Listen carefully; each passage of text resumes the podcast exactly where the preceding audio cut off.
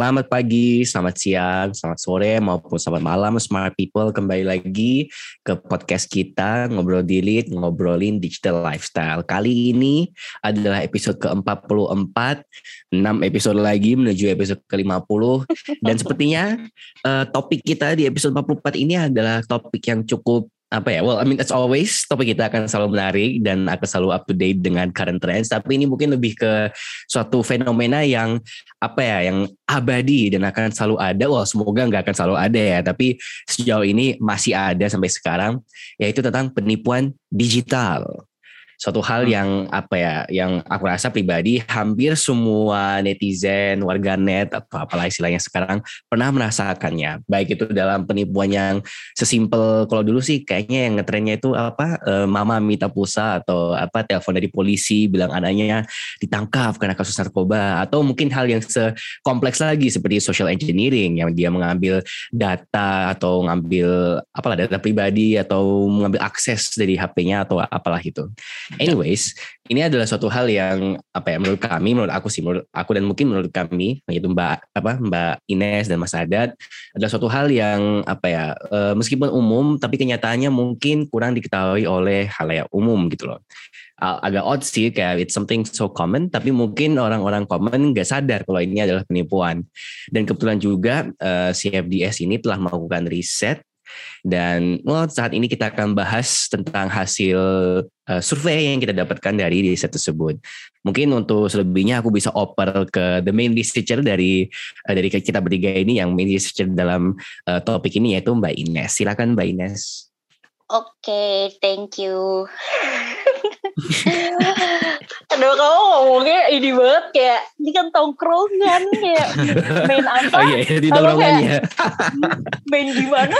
Kayak ya saya aku emang kriminolog tapi kayak mm, kayak kalau lucu gak sih kalau lagi di tongkrongan tiba-tiba kayak ya ini dia main speaker kita di iya, iya, tongkrongan kita hari ini kayak wah jadi, wow gitu. Jadi malah formal ya. Mana oh, normal uh, ya. Aduh lupa lupa kayak tongkrongan. Bayangin kayak Rim gue mau ngomongin soal kejahatan besok lo lo siapin besok di tongkrongan deh. Oke oke oke. Jadi gini loh smart people. Um, kita tuh lagi bukan lagi ya udah ya dikit lagi selesai lah risetnya tapi lagi ngomongin soal penipuan digital ini lagi marak banget dan apa ya menurut aku penipuan digital tuh adalah suatu isu yang tadi kayak Karim gitu yang it's odd. Kena itu sering banget terjadi tapi gak ada orang yang kayak apa namanya uh, merasa ini tuh urgent gitu. Padahal ini urgent banget. Kalau misalnya yang namanya penipuan digital itu dulu sendiri deh ya gitu ya. Kayak kalau lagi ngomongin penipuan online orang kan pasti kepikirannya tuh kan kayak beli barang di apa ya kayak di toko oren, toko ijo, terus barangnya nggak nyampe gitu kan. Nah itu penipuan. Terus abis itu beli barang di Instagram, di Facebook, terus barangnya nggak nyampe itu penipuan. Terus abis itu kayak apa namanya eh, di telepon orang terus quote to quote dihipnotis di Indonesia doang yang ada kayak gitu. Sumpah di tempat lain gak ada jujur. Kayak terhipnotis gitu-gitu kayak ya ada-ada aja gitu. Itu tuh eh, penipuan digital kalau diomongin yang pertama tuh itu nah tapi tuh ternyata ya kalau menurut riset Uh, kalau menurut riset dan survei yang kita lakukan, riset tuh di sini kayak literatur review gitu loh guys. Kayak bukan riset yang gimana-gimana gitu. Kalau menurut literatur review, kayak jenis penipuan online tuh ada 15 gitu. Cannot recall from the top of my mind to be quite honest kayak walaupun ya aku penelitian ini, tapi kayak yang paling common tuh kayak phishing, terus scam, kayak scam tuh penipuan-penipuan yang tadi aku ngomongin tuh masuk scam. Terus account takeover, social engineering, social login info, share card info, ID theft, typo squatting, bla bla bla banyak banget. Tapi kalau ini smart people yang pernah ikut proliner ya makanya ikut proliner tahun depan atau kapan ada lagi proliner Mas Adat? Um, November mungkin ya atau mendekati KKN lah Oktober November kali yang terakhir tahun ini kan kita iya, ngikutin jadwal KKN biasanya. Hmm. hmm. Berarti kalau gitu setiap kayak ini kan prolinernya CFDS kan juga terbuka untuk umum kan. Coba ya, kayak betul. ikut deh smart people. Kayak soalnya aku sering banget ngomongin ini kayak bahayanya di dunia maya salah satunya kan penipuan-penipuan gini kan bersama dengan para ini lainnya. Jadi itu kayak apa? Eh, sebenarnya kalau mau ngomongin yang paling bahaya tuh kan social engineering ya karena dia tuh kompleks gitu. Nah, tapi yang namanya penipuan digital tuh ada 15 jenis Kak, guys. Dan yang paling apa namanya? sering jadi momok kita semua tuh adalah yang mama minta pulsa gitu dari telepon seluler itu ternyata juga masuk penipuan digital karena penipuan digital tuh ada yang kayak apa namanya kayak cybercrime aja, computer assisted crime sama computer oriented crime. Kayak computer assisted tuh adalah yang misalnya menggunakan fasilitas komputer which is handphone kan juga komputer ya. Itu untuk menipu kita sama eh, apa namanya eh, melakukan hal-hal lain yang merugikan kita tapi difasilitasi oleh komputer. Nah, itu adalah eh, penipuan digital. Nah, tapi kalau misalnya penipuan digital yang kayak apa namanya? Selamat Anda mendapatkan ini ini ini ini, silahkan klik di tautan berikut misalnya kayak gitu. Itu tuh juga penipuan digital. Tapi yang computer oriented crime. Nah, kayak gitu smart people. Dan di survei kita ini hampir semua responden udah 1.700 orang di tersebar di 34 provinsi di Indonesia. Waktu itu Papua belum belum belum pecah kali ya. Udah belum ya? belum pecah. kayak yeah, belum yeah. deh. bener sih, tapi kayaknya wordingnya salah. Maksudnya bukan pecah gimana? Maksudnya kan Papua kan lagi ada ada Iya, yeah, provinsi baru. Iya, provinsi baru kan. Nah, tapi kayaknya waktu itu baru Papua sama Papua Barat aja. Belum hmm. ada Papua yang yang dua lagi nggak sih Kak provinsinya gitu. Jadi dari 34 provinsi itu udah pada uh, ngomongin kalau semua orang itu pernah kena uh, pesan ya uh, pesan tentang penipuan digital. Tapi kalau korbannya rata-rata itu nggak sebanyak nggak 1.700 ya, tapi kayak ya 500 orang lah pernah jadi korban penipuan online karena pesan-pesan ini. Jadi kayak dulu sumpah smart people harus baca ya risetnya karena seru banget. Jadi risetnya itu e, melihat kalau nggak cuma korban penipuan aja, tapi potensi menjadi korban tuh gede banget gitu loh kalau misalnya ngomongin soal apa aja yang termasuk penipuan digital apa aja ya. Kayak karena aku riset ini kan jadi kayak kena semuanya gitu. Tapi kalau menurut Karim sama Mas Adat penipuan digital tuh yang kayak gimana sih? Hmm, apa ya kalau aku sih yang aku pernah alami sendiri itu kayak kebanyakan itu adalah yang uh, apa yang computer oriented yang hmm. yang apa ya yang link-link yang phishing dan segalanya sih menurutku itu yang paling sering aku temukan sih personally. Karena apakah itu mungkin website yang aku kunjungi emang itu rawan banyak apa iklan-iklan maupun link-link gak jelas atau mungkin apa ya yang yang sering aku alami sih aku nggak tahu ya apakah ini adalah penipuan digital atau enggak tapi kan itu loh kalau misalnya kita ke apa ya torrent site atau hosting site mana pun kan suka ada iklan-iklan gak jelas gitu kan yeah. nah kadang-kadang itu kalau kita mau download itu kayak kita kliknya itu malah dikirim ke uh, webpage Lazada atau oh sorry gak boleh sebutnya merek uh, webpage uh, toko yeah, yeah, yeah. toko biru toko L atau apa yeah. jadi kan apa ya aku tuh mikir kayak ini ini beneran the real website-nya e-commerce ini atau apakah ini adalah uh, webpage uh, yeah. bohongan yang berkedok sebagai uh, uh, e-commerce tersebut untuk apa ya menipu orang untuk misalnya membeli lewat situs tersebut atau mungkin yeah, apa, yeah. atau eh, yang sering aku temukan juga auto downloader jadi kayak kita mungkin nggak tahu kalau misalnya kita buka website apa buka klik tab baru malah itu muncul tab baru dan itu automatically download sesuatu itu loh itu kan quite fishy gitu loh. Tapi aku rasa itu ada suatu apa ya uh, hal yang jarang ditemukan karena again if you don't go to the website yang mencurigakan aku rasa aman-aman aja gitu loh tapi kayak yeah, kalau iya. misalnya yeah. apa ya kalau aku kan suka kayak ngebajak konten lah ya karena aku apa ya oke okay, aku lah ada Netflix aku ada Disney Plus tapi kan kayak kontennya itu nggak semua ada di situ kan. Jadi kayak mungkin aku ngetorrent lah atau download khususnya buat anime sih kayak itu kan aku sering ngetorrent gitu kan. Jadi kayak mungkin there are some sketchy websites. Yeah, yeah. aku sekarang udah nggak aku kalau buat anime nggak nggak live apa nggak nggak online streaming karena itu itu jauh lebih parah lagi. Iklannya bahaya iklannya gak jelas jadi kayak torrent.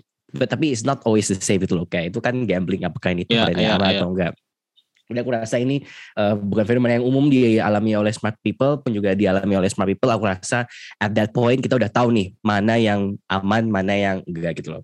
But itu yang aku alami. Jadi kayak mungkin yang uh, to me uh, apa ya penipuan digital tuh lebih ke yang rada-rada sophisticated. Makanya kayak aku mungkin rasa kayak it's so common, tapi justru karena it's that sophisticated, orang-orang itu kayak enggak ngeh itu loh kan mereka itu kena penipuan digital. Iya, karena kayak- karena aku rasa kayak orang-orang itu kalau yang apa ya, yang uh, telepon penipuan atau SMS penipuan yang ada linknya itu, I think itu masih bisa di apa ya di uh, tahu lah kalau itu penipuan tuh. Kayak Hmm. kalau misalnya itu SMS kayak butuh pinjaman uang satu juta atau apa itu atau selamat Anda akan mendapatkan uang segini segini. I think again aku kurang tahu dari hasil surveinya Mbak Ines dan tim ini, tapi aku rasa kayak kalau mungkin buat generasi kita ngeh kalau itu itu adalah penipuan gitu loh. Kayak uh, we've been through that so long jadi kayak tahu kalau itu penipuan. But maybe that's a different question atau mungkin itu adalah yang berbeda ketika kita nanya ke demografi umur yang berbeda. Nah, Tapi ya, yang yang betul. yang yang marah banget yang aku yang aku kesel banget itu adalah spam call. Dan spam callnya ini ah, adalah ya, ya. yang yang apa ya? Aku juga sering kena ini. Tapi I know there is a spam call gitu loh. Jadi kayak aku nggak pernah angkat, aku langsung blokir. Aku download aplikasi buat cari tahu ini siapa apa teleponnya. Kalau lihat dari tagsnya juga kelihatan kalau ini adalah penipuan. Mereka juga biasanya suka menawarin asuransi dan sebagainya. Tapi pernah sekali itu aku nggak sengaja ngangkat karena I thought it was like an actual phone call karena terusnya dari Greater Jakarta. Oke, aku angkat dan obviously udah ketahuan nih dari apa ya dari eh, teleponnya itu kayak udah kelihatan banget waktu penipuan karena suaranya kayak robot. Terus kemudian bicaranya cepat. That- That's the thing. They always talk fast. By talking fast itu kan bikin kamu anxious nih. Kayak kamu nggak ngikutin mereka ngomong apa, kamu nggak terlalu perhatiin mereka ngomong apa. Jadi kayak mereka kayak nge-rap tapi suaranya kayak robot. Jadi kayak oh dan this dan aku nggak tahu apakah ini mereka sadar atau enggak. Tapi they always say tenang kok ini bukan penipuan. Like that's a red flag gitu loh. Kayak Iya. Aku bukan I'm not advocating buat para penipuan yang ada di buat para penipuan yang ada di sana tapi kayak if you say tenang kok ini bukan penipuan that is a red flag gitu loh. Kayak that it does not sound convincing itu tidak meyakinkan aku sebagai yang mengangkat telepon. Justru aku justru karena itu aku mulai kayak ya ini penipuan berarti gitu. Dan aku kalau biasanya ada kayak gitu aku suka aja angkat gitu loh. Aku angkat dan aku apa ya waste their time gitu loh bisa tuh kayak Hmm, mereka tahan iya 30 sih. menit ngomong ke aku tuh loh karena menurutku kalau misalnya mereka tahan 30 menit sama aku, that's like less time for them untuk nipu orang lain gitu loh. Oke, that's just 30 minutes of my time. Santai, mereka juga nggak dapat dapat apa-apa dari aku. Tapi yang ngerinya adalah ini tuh penipuannya itu bukan penipuan call yang sembarangan yang kayak apa ya yang polisi apa eh, yang yang bukan yang nebak-nebak gitu loh. Kan biasanya kan yang nipu ini kan apa ya? Mereka tuh nebak untuk kemudian bisa dapat apa ya? eh apa ya data itu loh. Kayak mereka kayak eh, Hmm. be so general tapi at the same time mungkin tuh kayak connect ke kamu. Kayak mungkin kayak ya kayak peramal gitu loh. But kalau yang ini parahnya banget adalah mereka mengatasnamakan bank eh bank biru. Bank biru tua. Bank biru tua Hmm. yang ada kuningnya. Yang depannya M. Hmm. That, that's that's scary. Scary karena mereka tahu namaku tahu nama lengkapku tahu domisiliku. Itu yang aku mikir kayak wah ini parah banget. Kayak oke ini mungkin adalah apa scam caller. Tapi ya, mereka tahu data pribadiku tuh loh. Jadi kayak aku bener-bener kayak waduh kok ngeri juga nih. Hmm. tapi ya me- they, they didn't get anything from me. Dia tuh loh mereka nawarin asuransi 50 juta hanya dengan premi berapa juta per bulan gitu. Itu kayak oke. Mustahil. Eh, mustahil kan kayak nggak aku nggak nggak nggak ngomong apa apa cuma kayak oh ya oh ya kayak untuk mancing mereka kan. Tapi kayak begitu mereka ngomongin data pribadiku itu kayak oke so ini udah bukan lagi uh, scam caller yang tradisional yang kita mungkin sering lihat di YouTube atau di Facebook itu yang orang-orang ngeprank gitu kan. Kayak bilang ya ini anak anda saya tangkap. Anak saya yang mana? Saya nggak punya anak gitu not that. Ini is very sophisticated. Mereka punya data pribadi kita dan bukan nebak-nebak lagi. Jadi apa ya sudah berevolusi gitu loh. Tapi Hmm. di saat yang sama kita sebagai pengguna mungkin nggak nggak ngikutin evolusi dari para scam caller ini gitu loh. Had I known that there was a scam caller yang tahu data, data pribadiku aku nggak akan bakal angkat. Karena God knows apa yang mereka bisa lakukan hanya dengan aku mengangkat telepon dulu karena juga ada yang bilang kayak oh kalau misalnya ada yang WA kalian? Terus kemudian kalian bales that is a form of consent kepada mereka gitu loh. To do whatever they want gitu loh after the fact. Jadi kayak yang aku rasakan pribadi, I don't know dari hasil survei atau riset gimana, tapi kayak there is no winning dengan para apa uh, scam callers ini kecuali kalau apa kita nggak angkat dan kita langsung blokir nomornya gitu loh. Hmm. Which is scary karena kayak it's never ending gitu loh.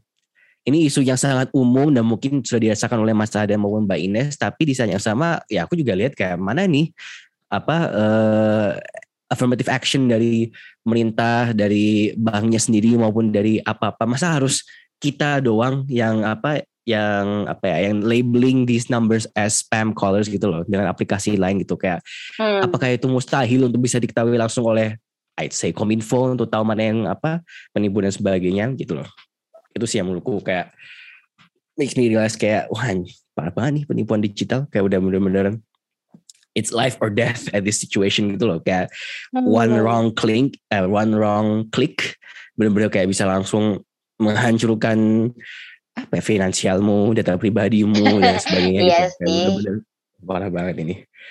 Kayak oh. I don't know apakah sentimen ketakutan ini dirasakan oleh orang-orang lain juga, tapi that's how I feel about penipuan digital sekarang ini. Iya. Hmm.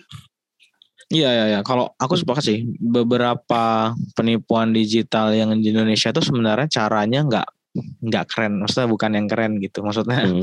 keren sih secara teknik teknik dan cara ya. Maksudnya itu masih bisa dipakai di Indonesia gitu. Karena uh, misalnya uh, waktu itu CFD juga punya riset soal magis. Mungkin Ines tahu juga kali soal manipulasi psikologis itu.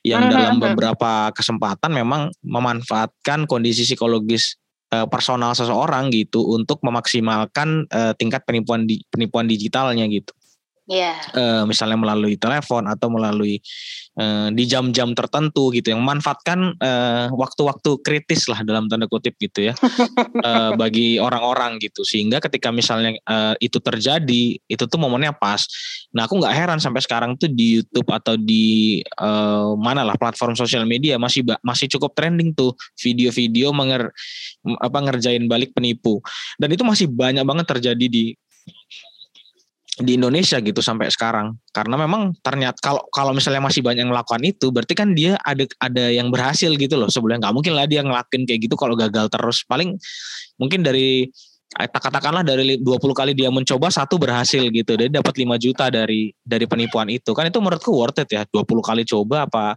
apa salahnya? Siapa tahu dapat lima ratus lima ratus iya, ribu iya. gitu. Itu sangat worth it mungkin untuk sebuah hitungan sebuah usaha gitu ya. Uh, kemudian uh, di model-model penipuan digital yang lain itu memang banyak melalui tadi Pak Karim bilang soal iklan ya. Kayak uh, orang tuh juga nggak terlalu aware sama penggunaan uh, device-nya gitu. Baik di HP maupun di uh, laptop maupun di PC gitu. Yang kadang-kadang uh, yang mereka masuk ke satu website yang memang sangat menarik gitu mungkin isinya tapi eh, akhirnya malah jadi ngeklik yang aneh-aneh sehingga masuklah ma malware ke dalam komputernya. Yang komputernya itu juga mungkin di, atau laptopnya atau HP-nya itu dipakai buat transaksi-transaksi eh, apa namanya digital gitu yang hmm. yang membeli ini membeli itu sehingga secara nggak langsung duitnya bisa hilang ini sangat jarang terjadi sebenarnya model-model seperti ini ini memang, memang butuh keahlian khusus tapi bukan tidak mungkin terjadi dan uh, phishing kemudian uh, SMSing itu kan juga sering terjadi tuh di Indonesia nah sebenarnya kalau kita ngelihat kejadian-kejadian kayak gini di Indonesia tuh masih uh, menggunakan tools-tools yang lama cara-cara yang lama menggunakan SMS dan juga telepon tadi mungkin dalam uh, catatan uh, riset gitu ya Hmm. Kayak di luar negeri itu eh, yang paling populer kan di YouTube tuh sekarang technical support scam itu yang di India sebenarnya. Kalau yeah, teman-teman yeah, pernah yeah, lihat, bener. itu kan salah satu bentuk penipuan digital yang sebenarnya eh, apa ya? dibisniskan di India itu jadi jadi hampir hampir rata-rata technical sport scam di dunia itu yang yang menipu itu dari India gitu. Uh, aku hmm. pernah baca datanya kalau nggak salah bahkan sampai eh, tujuh puluhan persen tuh yang menipu itu dari mereka. Sehingga mereka pura-pura jadi apa, pura-pura jadi apa, terus nanti mereka bikin model pembayaran yang mirip sama yang aslinya dan tiba-tiba uangnya dibayarkan ke uh, technical support itu. Atau salah satu caranya adalah mereka menginstal malware ke PC-nya seseorang terus datanya jadi nggak bisa dibuka. Kalau kamu mau buka datanya kamu harus bayar sekian. Jadi lebih kepada itu ransomware namanya. Betul itu ransomware betul. Kayak ransomware gitu. Dan itu rata-rata memang uh, menjadi sebuah lahan pekerjaan yang uh, besar di beberapa negara. Di Indonesia itu kan yang sekarang baru ketahuan kalau itu uh, skema yang uh, diperusahaankan atau dimasifkan itu kan yang penipuan uh, ini kemarin kan pinjaman online kan yang ketahuan ya, pinjol. ruangannya pinjol betul. Itu kan sebentuk juga penipuan digital sebenarnya karena dia dijebak untuk masuk. Kalau aku menurutku ya tapi nggak tahu kalau berdasarkan riset. Itu juga merupakan salah satu bentuk menjebak orang dengan uh, memberikan pinjaman yang kadang-kadang bahkan dia nggak dia nggak sadar dia meminjam uang itu. Tahu-tahu yeah, uangnya yeah. masuk aja ke rekeningnya. Jadi menurutnya model-model penipuan digital ini itu tuh kayaknya setiap hari ada aja metode barunya dengan kayak misalnya penipuan digital uh, via handphone gitu SMS gitu. Itu tuh mungkin dari SMS itu itu tuh bisa beberapa cara dari SMS itu tuh yang masuk itu.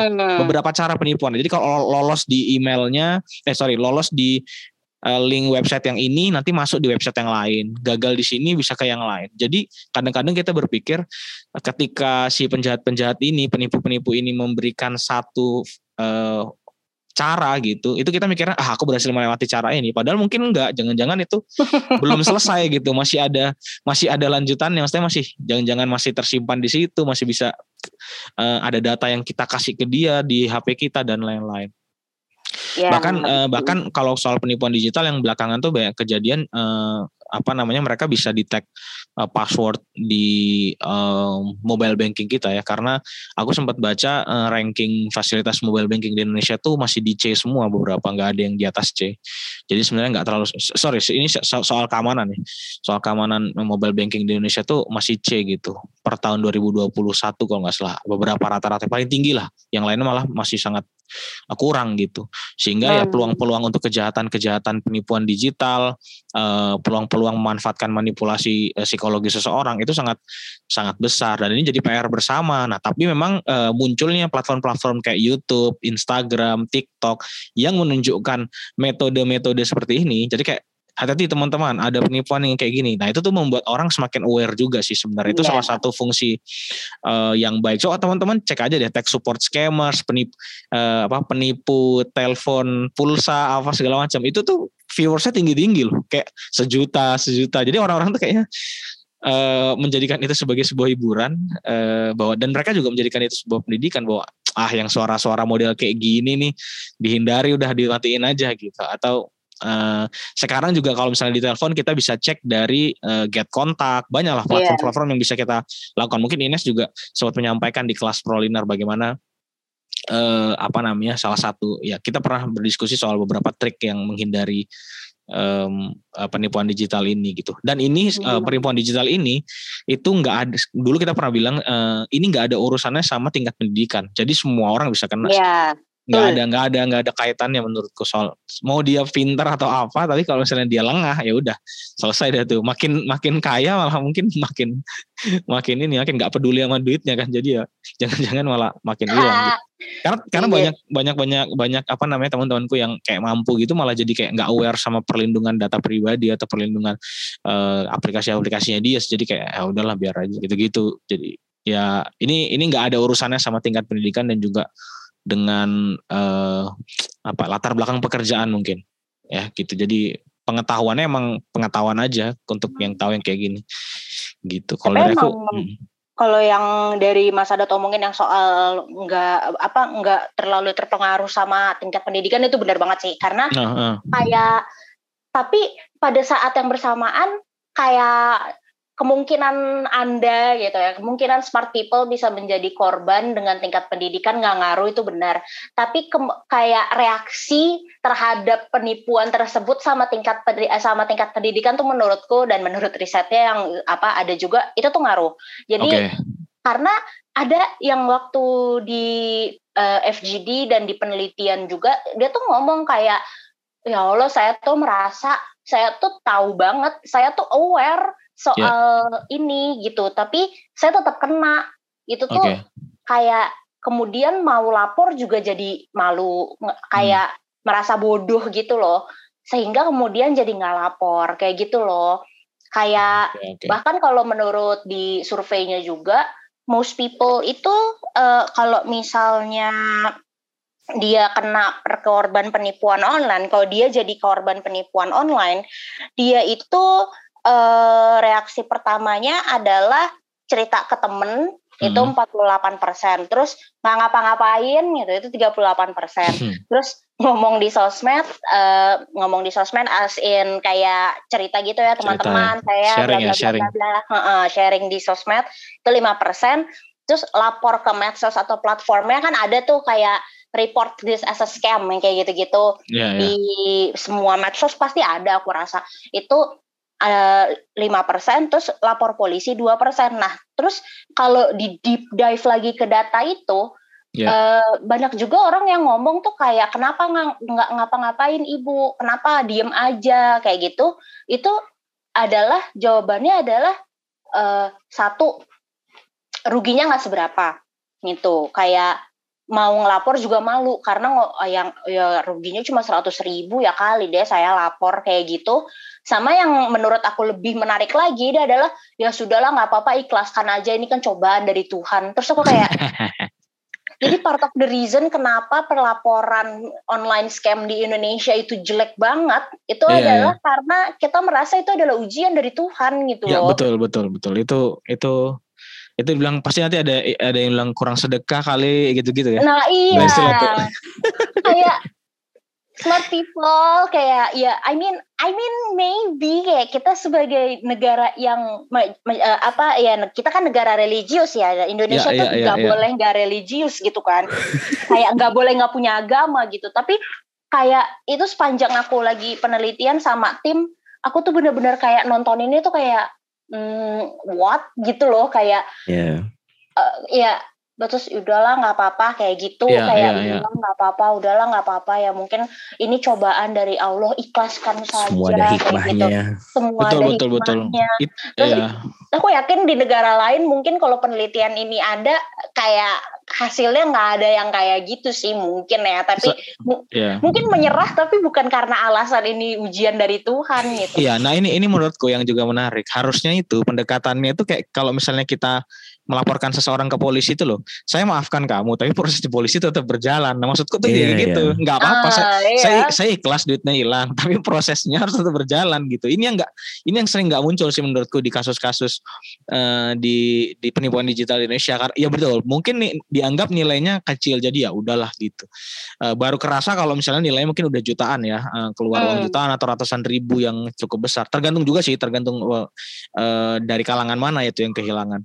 Sama ini sih kalau menurut risetnya juga eh, apa surveinya juga rata-rata tuh orang eh, kayak nggak lapor polisi kan gitu. Kayak yeah, ya kan yeah. yang lapor polisi cuma dua persen. Yang nggak lapor polisi lebih banyak. Nah yang lapor polisi pun itu eh, rata-rata itu tidak di tidak digubris gimana ya digubris tapi nggak nggak nggak ada ujungnya gitu loh iya tidak tangani dengan baik ya uh, uh, kayak penanganannya tuh kurang sehingga abis itu orang-orang yang udah pernah lapor itu yeah. jadi kayak dia kena penipuan lagi itu dia nggak mau yeah, lapor yeah. lagi kayak udahlah yeah, yeah, yeah. Buang Bener -bener. waktu rata-rata yeah. pada ngomong kayak gitu buang yeah. waktu berurusan sama polisi duitnya juga nggak balik kayak nah, gitu iya. Menur menurutku juga salah satu ah nggak tahu ini ada di riset atau enggak tapi yang me sangat membuat uh, kenapa SMS dan telepon itu menjadi uh, yang terbesar gitu ya uh, penipuan uh, sarana untuk melakukan penipuan digital karena juga nggak ada pembatasan penjualan nomor sih di Indonesia itu salah satu yang menurutku menjadi hmm. keresahan.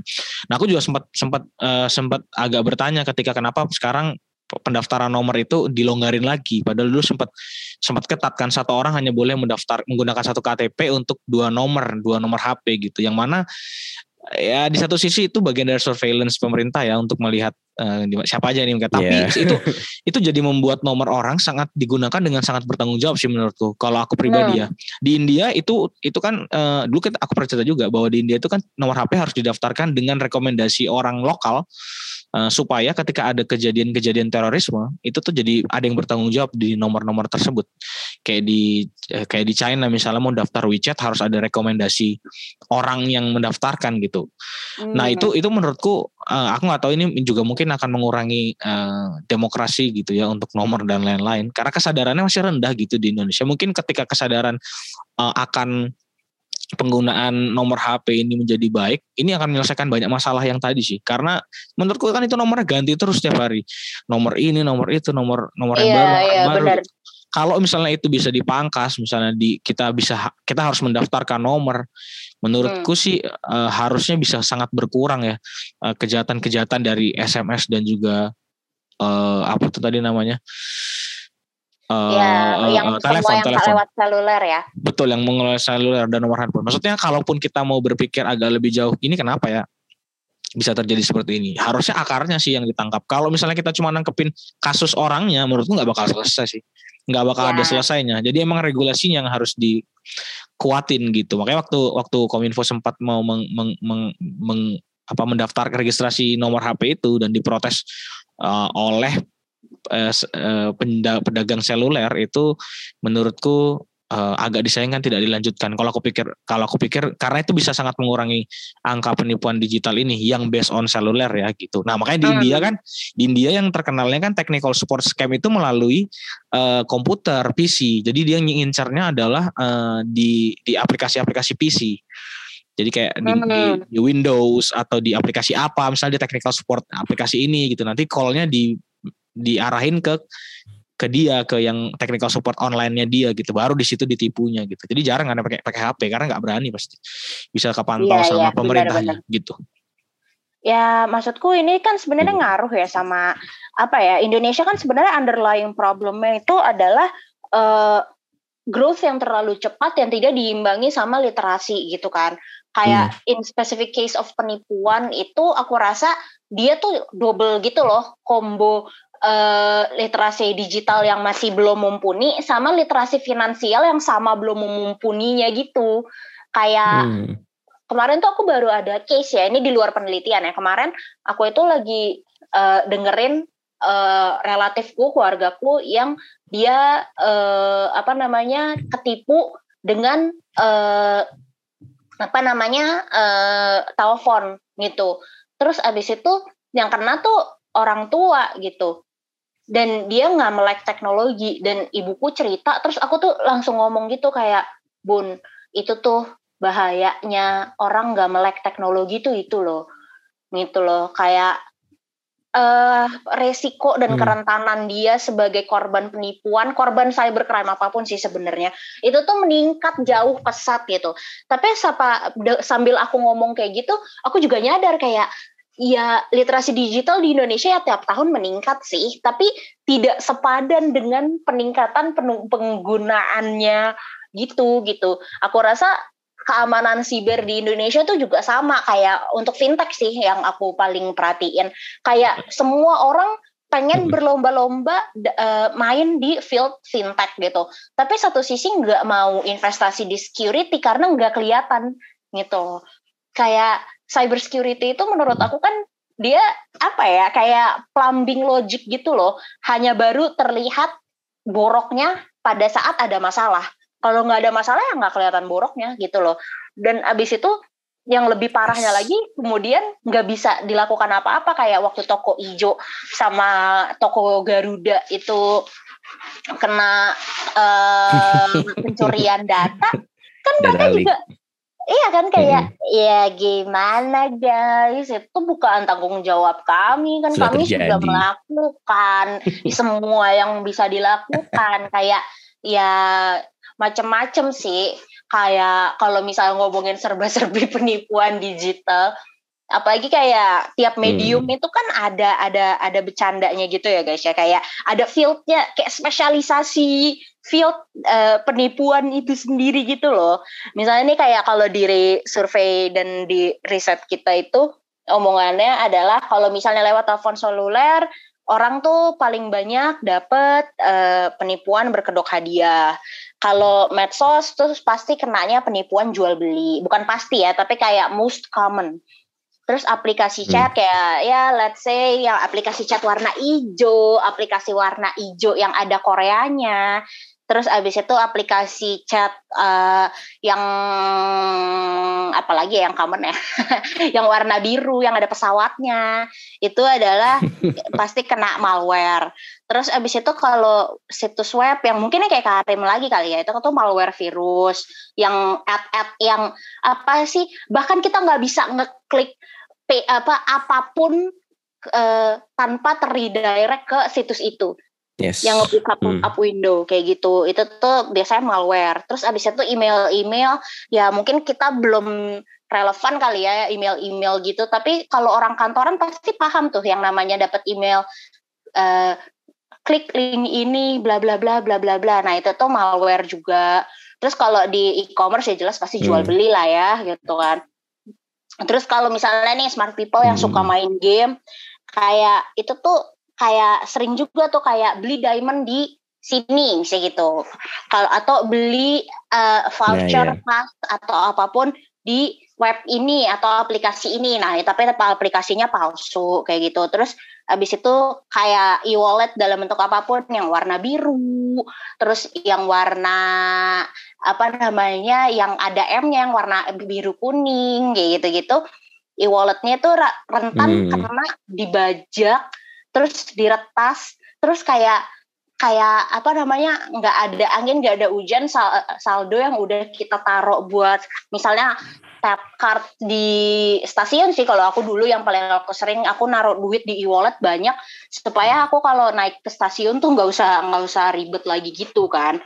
Apalagi nggak semua handphone punya NFC jadi susah kalau misalnya mau di uh, isi-isi. Nah, itu tuh rentan dibajak juga. Jadi yang namanya penipuan digital di bukan di Indonesia ya, aku rasa di bumi juga kayak momok banget sih bagi nusa dan bangsa dan apa bumi bumi apa Bima Sakti ini tuh kayak ya Allah ini kayaknya di galaksi Bima Sakti tuh penipuan online tuh menjadi momok seluruh warga galaksi Bima Sakti gitu loh.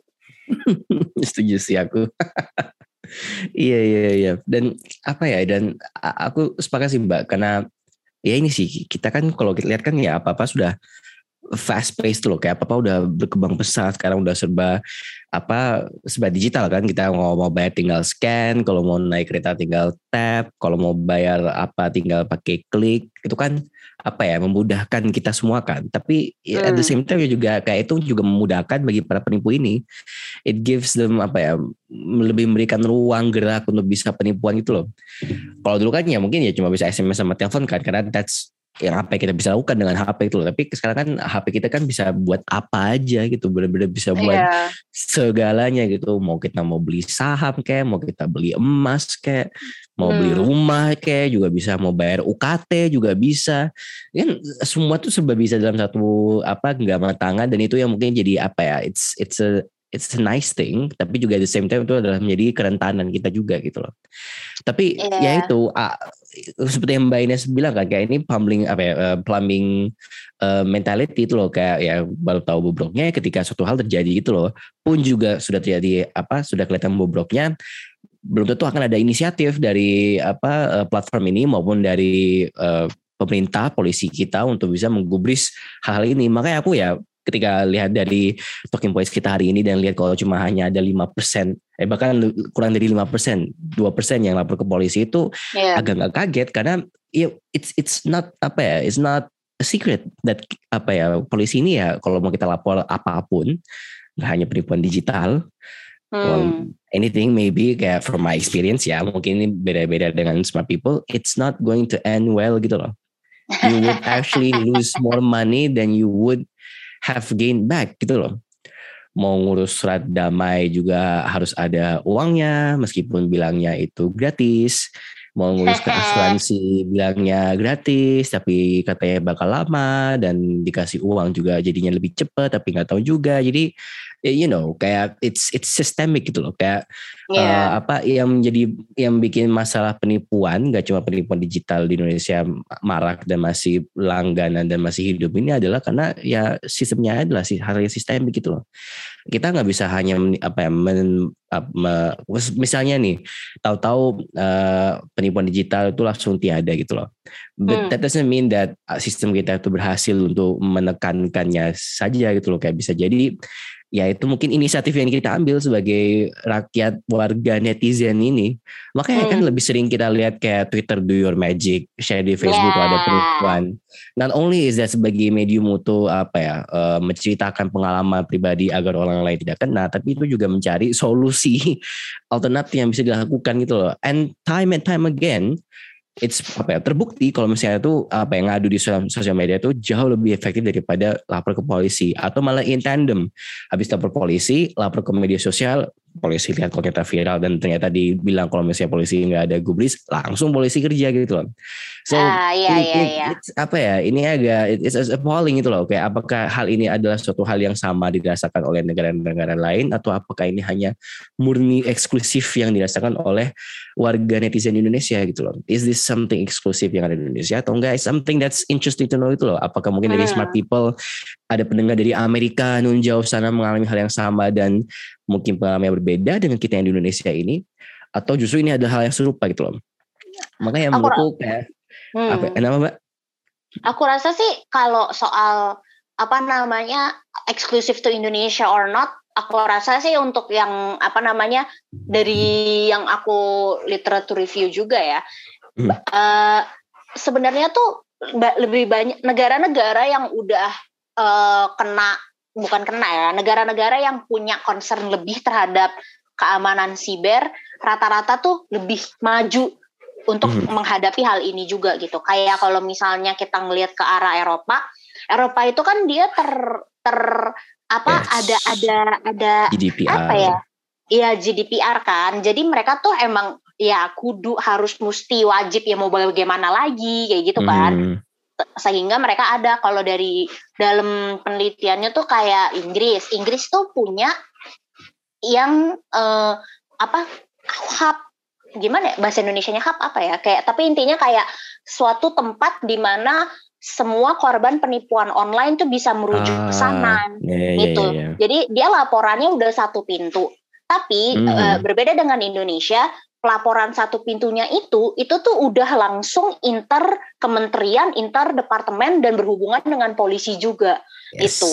Jadi, Betul, betul, betul. Kayak speedy gitu loh, cepet bisa bisa kayak oh oh ini gini, oh ini gini, oh oke ya nanti gini ya, gini nih nih, kayak gitu loh. Kalau uang kembali atau enggak eh, dari riset yang aku baca belum pernah eh belum pernah ada yang sedetail itu ya ngasih tahu kayak ntar duitnya Mhm. balik sekian gitu enggak. Cuma kalau misalnya eh, pelaporannya tuh ada. Nah, itu tuh salah satu menurut aku bentuk rekomendasi juga sih untuk Indonesia. Yes. Gimana sih caranya bikin kayak ya oke di tipit siber let's go gitu loh kayak apa namanya silahkan menjadi forefront gerbang utama. Tapi kalau misalnya hanya berdiri polisi sendiri akhirnya ya kayak yang Yeah. tadi Karim bilang gitu kan. Kalau karena penipuan online itu kan kayak apa ya kalau dari riset ini dari survei ini juga kelihatan dia tuh masalahnya highly kompleks kayak psikologi iya. Finansial iya. Kayak ya kejahatan iya. Sosial iya. Kayak apa namanya teknologi iya banget kayak gitu loh. Mhm. jadi diperlukan suatu eh, hub di mana gimana tuh caranya memberikan eh, kayak fasilitas bagi korban untuk merasa ya apa kalau kena penipuan tuh lapor kayak Hmm. karena something is being done for your sake gitu loh Hmm. daripada kayak eh, nggak apa-apa ini ada ujian dari Tuhan kayak kalau gue lapor polisi makin ujian kan kayak ya iya sih kayak Hmm. if we stand still di seperti ini gitu ya status quo tidak ke mana-mana ya nanti akhirnya kan kayak gitu ya. Emang bener ujian dari Tuhan aja tuh lapor polisi gitu loh. Kayak emang emang there's uh, something needs to be done sih. Kita sih dari CFDS berharap kalau udah kayak CFDS UGM terus eh, Departemen Komunikasi Visipol UGM ya kita berharap untuk eh, ini apa namanya memberikan rekomendasi bukan cuma untuk penanganan tapi juga untuk pencegahan gitu sih. Hmm, sepakat sepakat dan apa ya mungkin eh, yang aku rasa yang perlu ditekankan juga adalah ya ini another reason kenapa orang itu enggan untuk melapor ya karena mereka tidak melihat hasil gitu loh. Mungkin kalau misalnya yeah. sudah ada apa ya, ya kalau misalnya kayak in dari Inggris nih kayak satu hub, satu apa tempat pengaduan yang itu satu pintu, kemudian terlihat juga kalau memang itu apa ya doesn't have to be hasil yang ya, gitu ya. Yang lima yang penting tahu loh progresnya tuh ada. Nggak nggak harus kayak oke okay, uangnya balik atau dapat apa apa semuanya jadi aman itu kayak that's another discussion tuh loh. Tapi kalau yang penting itu udah ada progresnya tuh loh. Yang penting apa ya kalau dalam bahasa Jawa itu ketok kerja itu loh. Kelihatan kalau mereka itu kerja gitu loh. Yang penting ketok sih loh. Ya wes kelihatan dulu. That's fine. Yang menurutku yang justru akan apa ya menambahkan apa ya uh, keinginan orang-orang itu tuh lapor gitu loh. Kemudian karena ini adalah suatu hal yang umum, buatlah itu hal apa ya laporannya itu yang mudah gitu loh dan apa ya cepat digrubis dan you can argue kalau emang itu sudah ada nih kalau kita lihat dari BSSN itu memang mereka udah apa ya, ada hub laporannya dan itu mereka cukup gubris tapi itu for a different thing as we know. Kalau misalnya yeah. kita lapor ke BSSN itu yang cepat geraknya adalah masalah pencemaran nama baik dan uh, hate speech gitu loh. Hmm. which is hmm. fine which is great. Itu adalah salah satu inisiatif yang menurutku adalah keren. Tapi kalau kita gali lebih lagi kayak mana nih laporan yang lebih gercep di apa tanggapi? Mana nih uh, kasus pencemaran maupun hate speech mana nih yang apa yang cepat banget di digurubis there is the pattern gitu loh kelihatan banget ada hmm. polanya kan. You can see kayak oke okay, it's the you know uh, the ring satu top one percent orang-orang yang di atas yang mungkin kasusnya bakal lebih cepat digurubis jika itu mereka yang kena apa ya bukan yang kena tapi ketika mereka yang apa ya, jadikan kasus bukan yang melapor juga ketika mereka yang dijadikan bahan olokan gitu loh. Jadi kayak kalau misalnya ada yang ngomong kayak ah si pip ini adalah pip ada yang lapor atau mungkin dilaporkan langsung mungkin disuruh take down postnya. That's fast. It doesn't take a day doesn't even take a week. Dan bahkan juga udah ada laporan ini udah berapa kali kena apa mereka ada laporan hate speech dan sebagainya. Sebagainya tapi at the same time laporannya itu kan muncul di dalam wadah you know media sosial platform media sosial gitu loh. Di saat yang sama sering sekali ada laporan tentang penipuan digital gitu loh. So you could argue yeah. kan the same manpower or the same people power ini bisa juga digunakan untuk masalah penipuan digital. Kenapa enggak gitu loh? Hmm. kamu udah punya teknologinya kamu udah punya sistemnya uh, udah ada hub laporannya juga gitu loh. Tapi konsentrasi mereka adalah kepada isu-isu pencemaran nama baik isu-isu hate speech dan sebagainya itu loh Ya, Again, balik lagi it, itu kan pasti iya, selalu ya. ada uh, kepentingan yeah, kan selalu bermain yeah, dalam yeah. apa pun bener, bener. kan. Aku I'm not saying that is wrong. Menurut gue itu adalah suatu hal yang baik karena isu cybersecurity adalah multi layer gitu loh. Kayak kita hmm. kita nggak bisa tackle all the issues but we can tackle them one by one gitu loh.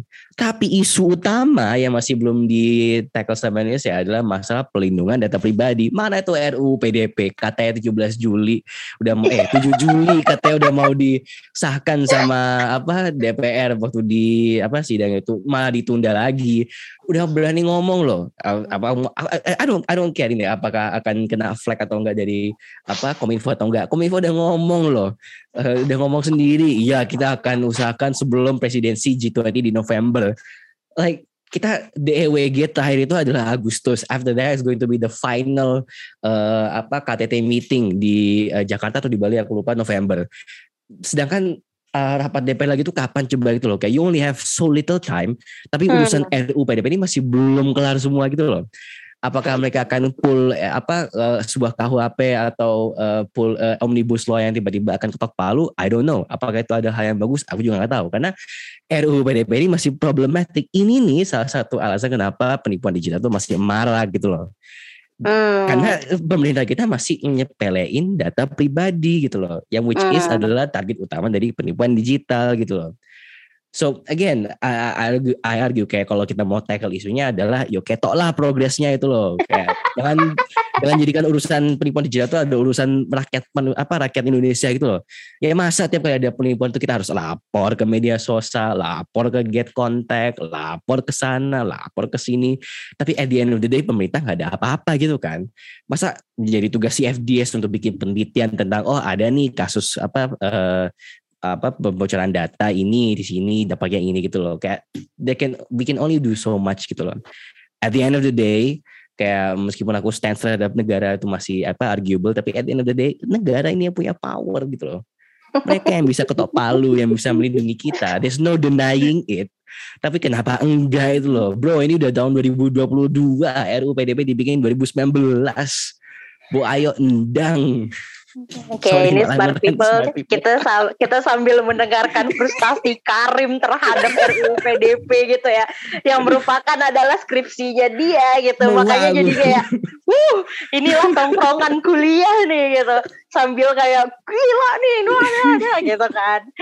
Oke, okay, tapi smart people kayak as a concluding word mengenai hmm. uh, hasil riset kita apa segala macam kayak there's room for improvement kayak hmm. ada positive notes yang bisa ditangkap dari uh, hasil survei dan hasil riset yang nanti akan dipublikasikan itu adalah uh, it turns out kalau udah di bawah badan regulasi kayak badan terregulasi misalnya kayak e-commerce di Indonesia kan terregulasi tuh walaupun hmm. ya not not uh, not as great as we might want it tapi at least sudah terregulasi kan itu kan angkanya langsung turun banget tuh gitu hmm. sehingga kayak apa uh, kalau kayak tadi Mas Adat bilang soal regulasi selul telepon seluler nomor seluler harusnya itu kalau diregulasi kalau dia ada di bawah badan terregulasi yang meregulasi dengan benar gitu ya dengan baik dan benar itu uh, angkanya tuh bisa turun kayak gitu-gitu. Jadi kalau misalnya suatu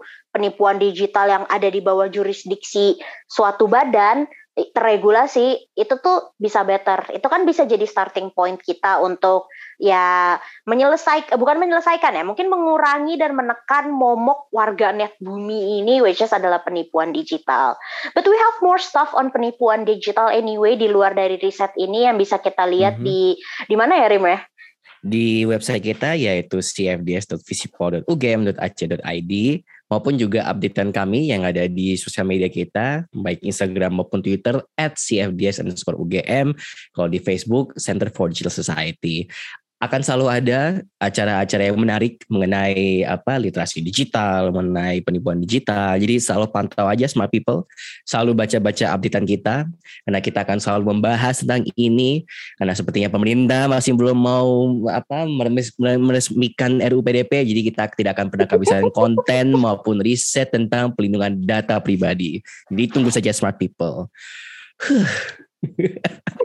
kayaknya udah udah ah, udah naik darah ini jadi kayak let's stop it here sebelum kita mulai melenceng lagi topiknya uh, terima kasih smart people sudah mendengarkan uh, podcast maupun renting kita kali ini karena kita akan selalu berbicara mengenai hal-hal yang uh, problematik dalam isu digital lifestyle maupun yang menarik. Jadi tunggu saja. Kalau misalnya ada topik-topik menarik yang mungkin ingin dibahas oleh smart people, dibahas oleh kita dari smart people, silakan komentar aja di sosial media kita mana pun yang sudah aku sebut tadi, Instagram at cfds UGM, Twitter juga sama. So see you next time smart people. Hope you enjoy this podcast karena ini langsung dari hati dan pikiran kita ini. Oke, okay, bye-bye. Bye.